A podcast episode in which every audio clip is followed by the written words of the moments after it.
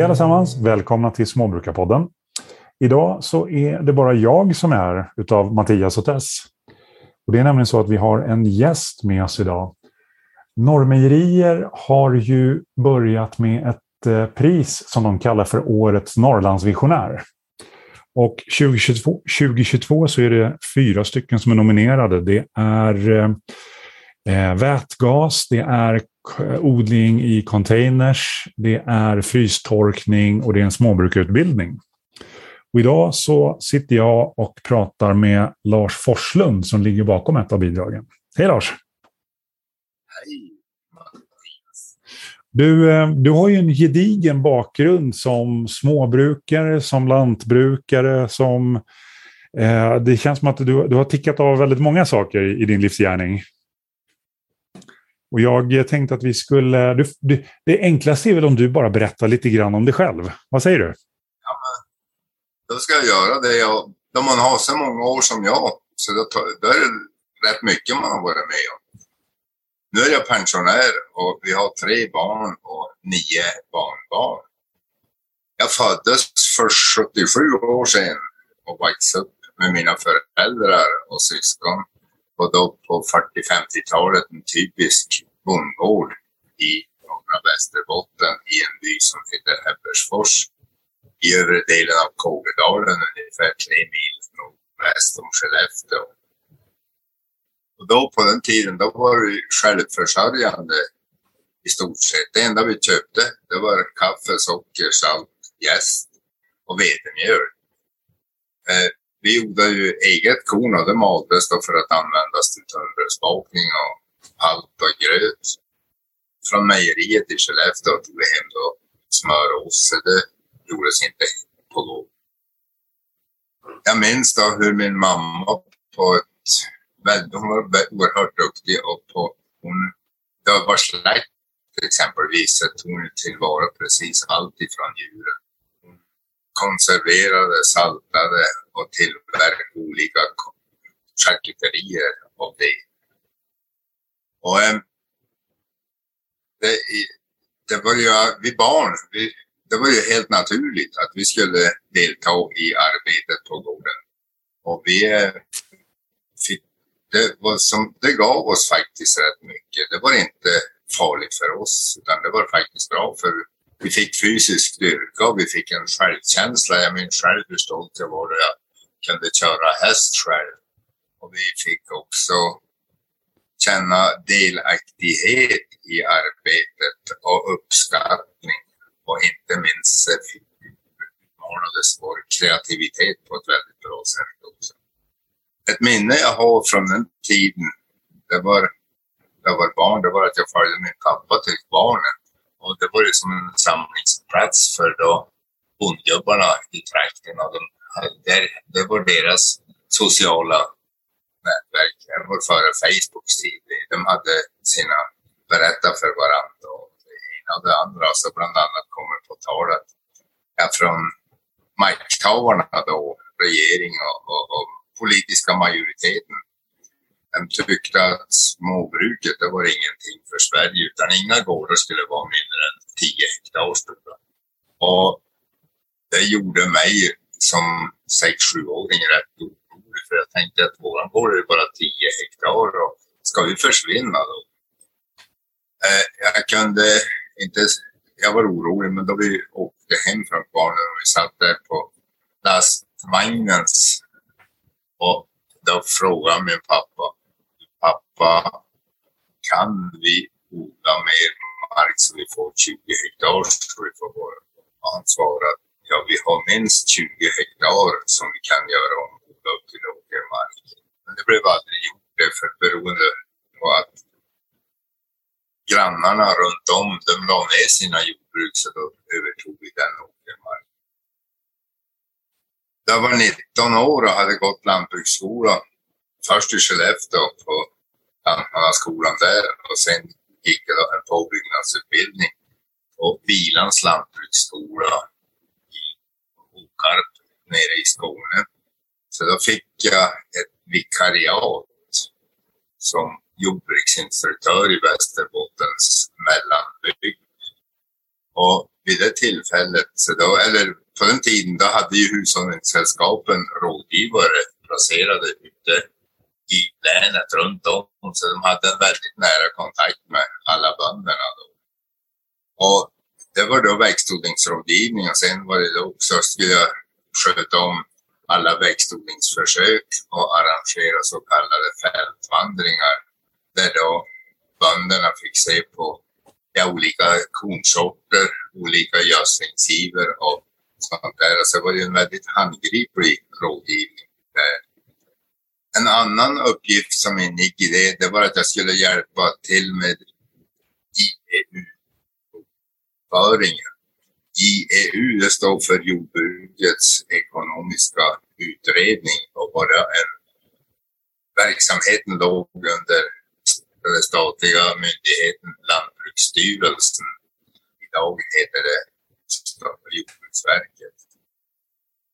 Och syftet med den här bokföringen det var att man skulle få underlag för prisförhandlingar. För jordbrukspriserna var då reglerade, statligt reglerade och förhandlades mellan Lantbruksförbundet som det hette.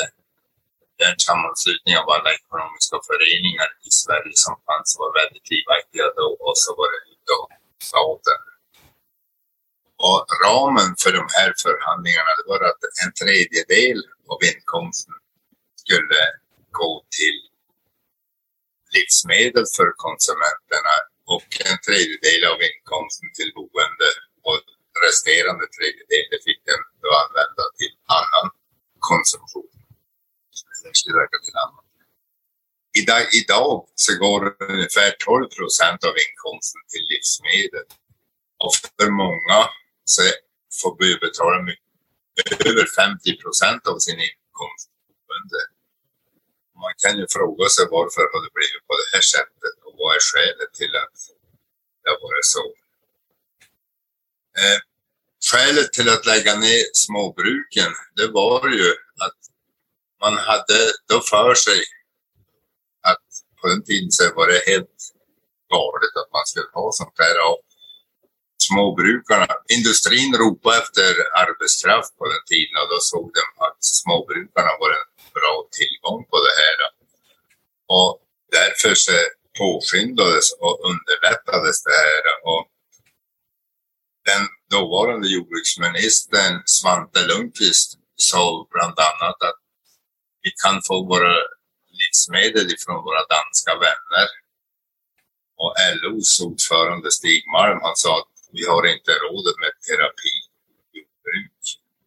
Och allt det här är väldigt, väl, eller det är på ett humoristiskt sätt åskådliggjord i Bengt Bratts tv-serie Hem till byn. Den finns fortfarande att titta på under arkiv på TV Play så att det är en mycket underhållande serie det där. Eh, I vart fall efter militärtjänsten så då gick jag på folkhögskola för att få behörighet att söka till högskolan. Och jag sökte då efter jag hade gått igenom folkhögskolan där både utbildning till lärare, ingenjör och lantmästare. Men jag valde att eh, lantmästarutbildningen vid Lantbrukshögskolan, idag heter det SLU. Den låg nere i Skåne, Alnarp Och den är fortfarande där lantmästarutbildningen på Alnarp. Många tyckte då att jag gjorde ett galet val för det där med jordbruk, det var ju ingen framtid. Det skulle ju bort allting. Det, det, det var ju helt, helt eh, nere att det här, det var ju... Jag, jag, jag blev mer eller mindre dumförklarad för att jag valde att utbilda mig till det där. Men i vart fall, då jag var tagit examen dagen före, dagen efter min examen, så då gifte jag mig med min fru Gunnel som kom ifrån, hade träffat henne. Hon kom från Jämshög i Blekinge. Och vi gifte oss då dagen efter det och flyttade då upp till Umeå där jag fick en tjänst på Lantbruksnämnden som det hette på den tiden. Och då var det en ganska utbredd, de hade övertagit rådgivningsdelen från hushållningsskapen 67. Och jag anställdes då som rådgivare i teknik och arbetsmetodik som det hette formellt. Det är populärt kallat maskinkonsulent. Och en stor del av mitt arbete var ju då att ge tekniska råd och sånt där till lantbrukare. Men sen att jag också projekterade väldigt många torkar både för hö och spannmål. Och eh, då det var det ju då som höhärskandet försvann. En väldigt tungt arbete och det byggdes hötorkar. Och självbindare och tröskverk ersattes av skördtröskel. Då behövde spannmålen torkas. torkas efter, eh, efter några år där så började jag på Lantmännen som maskinsäljare. Jag blev så småningom försäljningschef och sedan blev jag då regionchef för Norrland. De sista åren som jag var verksam var jag även då regionchef för Dalarna. Eh, då, då jag blev regionchef så då hade jag, kunde jag ha mitt kontor där jag bodde och då fick jag möjlighet att flytta till Olofsberg där jag bor nu. Där jag har en grannby till Häversfors. Och där har jag då, då på min fritid så utvecklade min bror och jag jordbruk, våra föräldrars jordbruk och vi bildade ett riksbolag som hette Milafo Lantbruk. Och eh, det är fortfarande igång. Och på ingressen i filmen som Norrmejerier har gjort om mig, där är den filmad av en drönare alldeles i början av den filmen.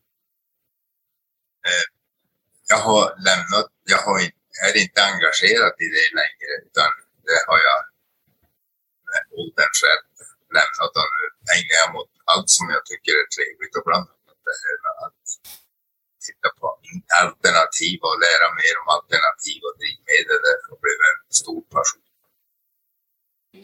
Just det, alltså det är otroligt spännande att höra din, eh, din livsgärning. Det finns, det, det finns många samtalsämnen där som jag gärna skulle lägga en timme på. ja.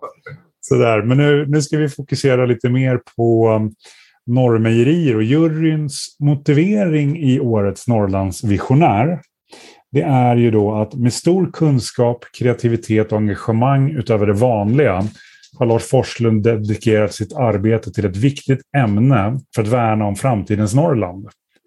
Idén gynnar inte bara klimatet, den minskar dessutom beroendet av importerade drivmedel och ger ökad lokal sysselsättning, tillväxt och biologisk mångfald. Och här kan man då börja gissa sig att just det där med minskar beroendet av importerade drivmedel. Det, det, går ju att gissa sig till vätgas där, men jag vet ju faktiskt att det är facit också, nämligen vätgas. Ja. Ehm, jag tänkte, jag ska bara ta en fråga på en gång som, som jag vet att många, när man hör, de flesta när de hör gas, då är det alltid någonting som är farligt och sådär. Men vätgas, du hade en väldigt bra förklaring på varför den eh, inte är lika farlig som bensin eller diesel. Ja, det är ju på det sättet att bensin och diesel, om det tar eld, så det lägger sig på marken då, och då brinner det där och då blir det aska och väldigt stor strålningshetta. Men vätgasen har ju en helt annan egenskap. Vätgas väger ungefär ett tiondels kilo per kubikmeter och luften den väger ju ungefär ett kilo per kubikmeter. Och det innebär att vätgas den sticker ju rätt upp och ni kanske har någon gång köpt sådana där äh, ballonger fyllda med vätgas och sett hur de har stuckit upp sig. Och det gör ju då att vätgasen den sticker rätt upp och den kan, därför så blir ju då strålningsvärmen ifrån den obefintlig och oftast om den bara pyser iväg rätt upp i luften så då händer det inte så speciellt mycket. Så att exempelvis det som har hänt med bränder i biogasdrivna bussar, det kan inte hända i en vätgasdriven. Okej. Okay. Spännande. Då, Lars, så skulle jag vilja att du förklarar vad din idé är och vad den, vad den leder till. Ja, idén är ju att jag man har ju konstaterat, jag har sett att det har gjorts beräkningar på hur stor potentialen är för biogasframställning i Sverige. Och den är ganska stor. Jag har sett siffror på 20 terawatt upp till 40 terawatt som finns i form av, man kan ta ut i form av biogas. Och det är faktiskt så att 85 procent av potentialen den ligger i lantbruket. Problemet är att det mesta av det här materialet att röda till biogas kräver mycket förberedelse, bland annat i form av sönderdelning och att man ska sortera bort orenheter och sånt där. Och till, göra den flytande så att den är pumpbar. Och det är en rätt kostsam, eh, det är ett kostsam åtgärd. Ja, för att lösa det där problemet så har jag studerat andra eh, rötningsmetoder för att röta material med högre torrsubstans eller sånt som är stapelbart och inte flytande. Det finns ett antal olika anläggningar nere i Tyskland och Österrike, men framförallt i Tyskland. Eh, men de har vissa svagheter också beroende på att de inte är så effektiva. Men eh, då helt plötsligt kom jag på att man kan göra på ett annat sätt genom att man pumpar upp ympvätskan genom materialet. Så sätter sig ympen direkt kontakt med allt. Mikroorganismerna får kontakt med materialet direkt och ingenting. Allt blir genom syre kan man säga med, med det där. Problemet med de metoder som har varit förr, där har man släppt vätskan uppifrån sprinklade och då är det så att vätskan söker sig den enklaste vägen och då blir inte allt material, inte allt material i kontakt. Sen så tycker jag, eller har jag också tittat på att man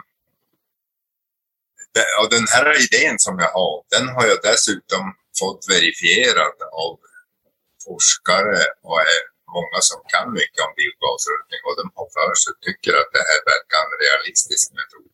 Så vi skulle vilja prova den i ett skarpt läge med en, med en sån här ja, i någon form pilotanläggning.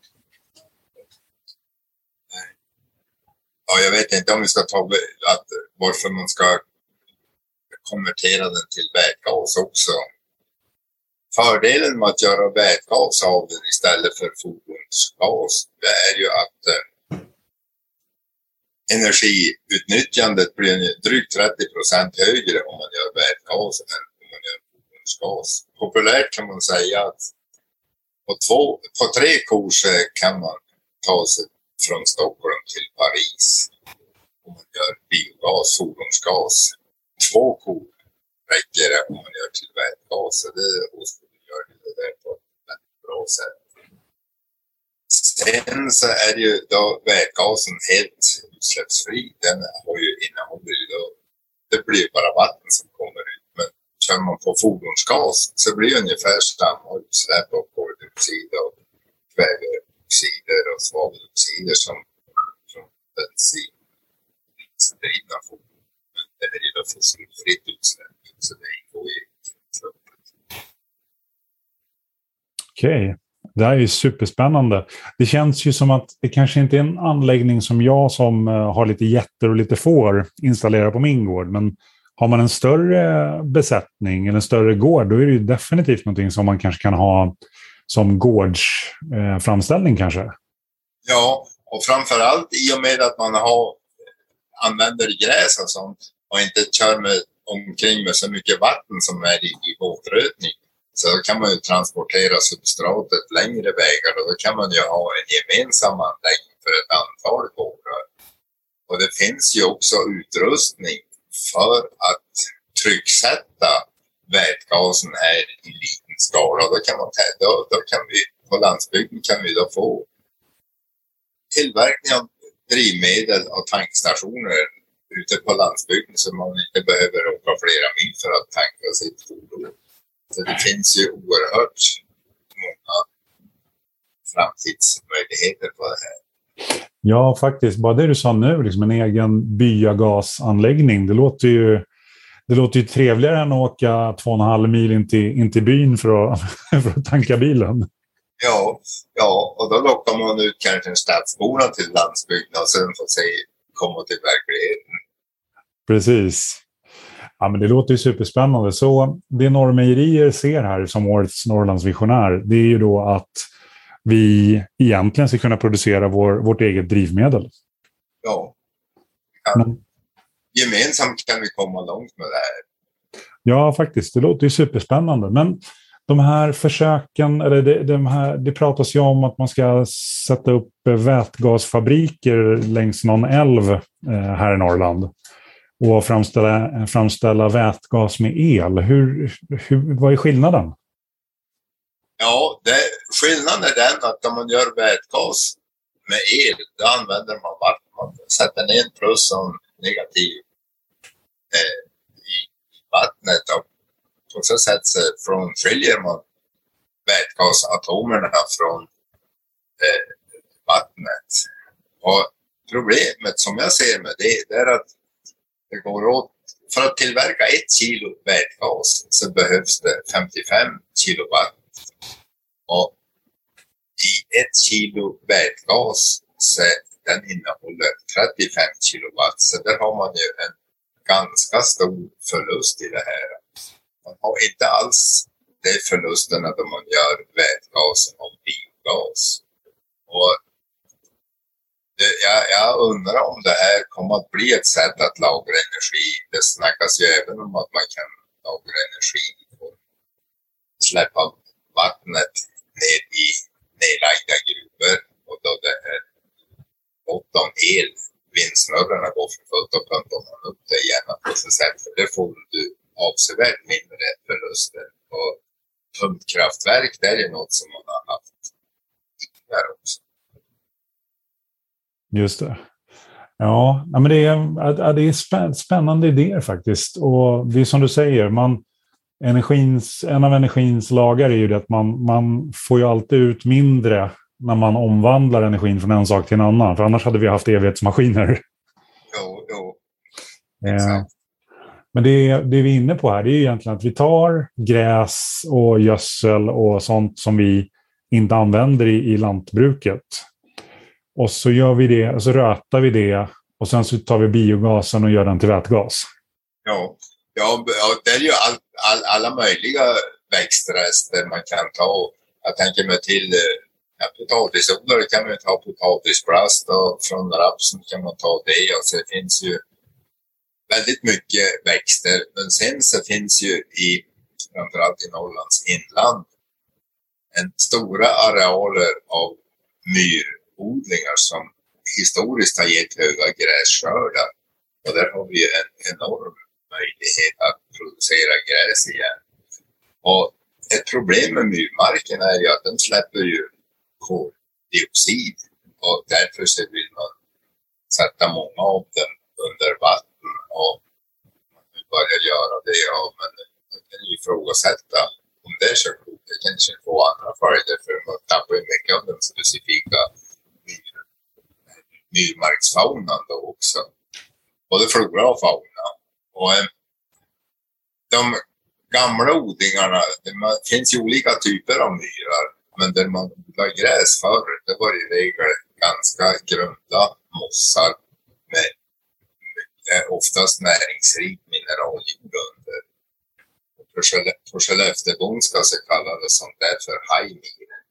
Jaha. och eh, det var ju då, eh, det är ju det jag tänker mig i första hand att man använder och det är ju bara en liten del av all myrmark som finns procent. Det skulle vara en enorm produktionspotential. Mm. Faktiskt. Ja, det gäller ju att titta, precis som du är inne på här, det som inte används idag, vad kan vi använda det till egentligen? Ja. Men du, om, om du får drömma helt fritt här då, vad, vad händer härnäst? Vad, självklart så vinner du då årets Norrlandsvisionär. Ja, det är ju inte säkert. Jag har ju sådana skarpa konkurrenter, så det får ja, men jag, jag tänkte i, i din, när, när, du får, när du får drömma så, så säger vi att du vinner. Ja, ja. Vad, vad är nästa steg? Ja, då hoppas jag att, eh, jag tror ju att med Nordmejeriers support som man nu då får då, då finns det stora möjligheter att få till stånd en eh, pilotanläggning, en fullskalig pilotanläggning. Och det är inga märkvärdigheter för det, det man bygger på vanligt sätt. Material och, och tillbehör som finns. Det finns redan utrustning att göra en pyrotanläggning. Så det är, man behöver inte konstruera nya, ny utrustning för Okej. Okay. Ja, spännande. Jag har ju fått en hel del länkar ifrån dig och texter som man, där den som är intresserad kan läsa mer. Och där tänkte jag att det lägger jag upp i avsnittsnoteringarna så att eh, den som vill liksom läsa mer kan göra det själv. För det är ganska mycket material och det är, det är otroligt intressanta saker som håller på att hända. Ja, jag har ju, jag har ju haft, jag, för att skapa intresse för det här så hade jag strax före coronan kom, det hann precis innan allting lades ner att genomföra två studiecirklar. För det ändamålet skrev jag ett kompendium som, som finns tillgängligt. Och det, mm. Ja, men det låter jättebra. Um, och den som vill kontakta dig gör då det på via e-post kanske? Är det lars att agriassist.se som gäller? Ja, det är det. Och agriassist stavas A-G-R-I-A-S-S-I-S-T. Det finns ju med i avsnittsnoteringarna så det, det, är lätt att se där. Och eh, den 27 februari avslutas ju röstningen. Ja. Tror du att du får reda på den 28 februari vem som har vunnit? Ja, det hoppas jag att vi får veta då. Även ja. Ja, det, skulle vara, det skulle vara superspännande. Så Lars, eh, tack så mycket för din tid. Det har varit superintressant att höra mer om dig och din idé. Eh, och helt klart, gå in och rösta på eh, uh, norrmejerier.se nästan den enklaste länken. För där, där finns det högst upp en, eh, en länk till eh, uh, norr, årets Norrlandsvisionär. Och där kan man då rösta på den man vill. Så att Lars är definitivt någon att rösta på. Tack för idag Lars. Tack ska du ha Mattias.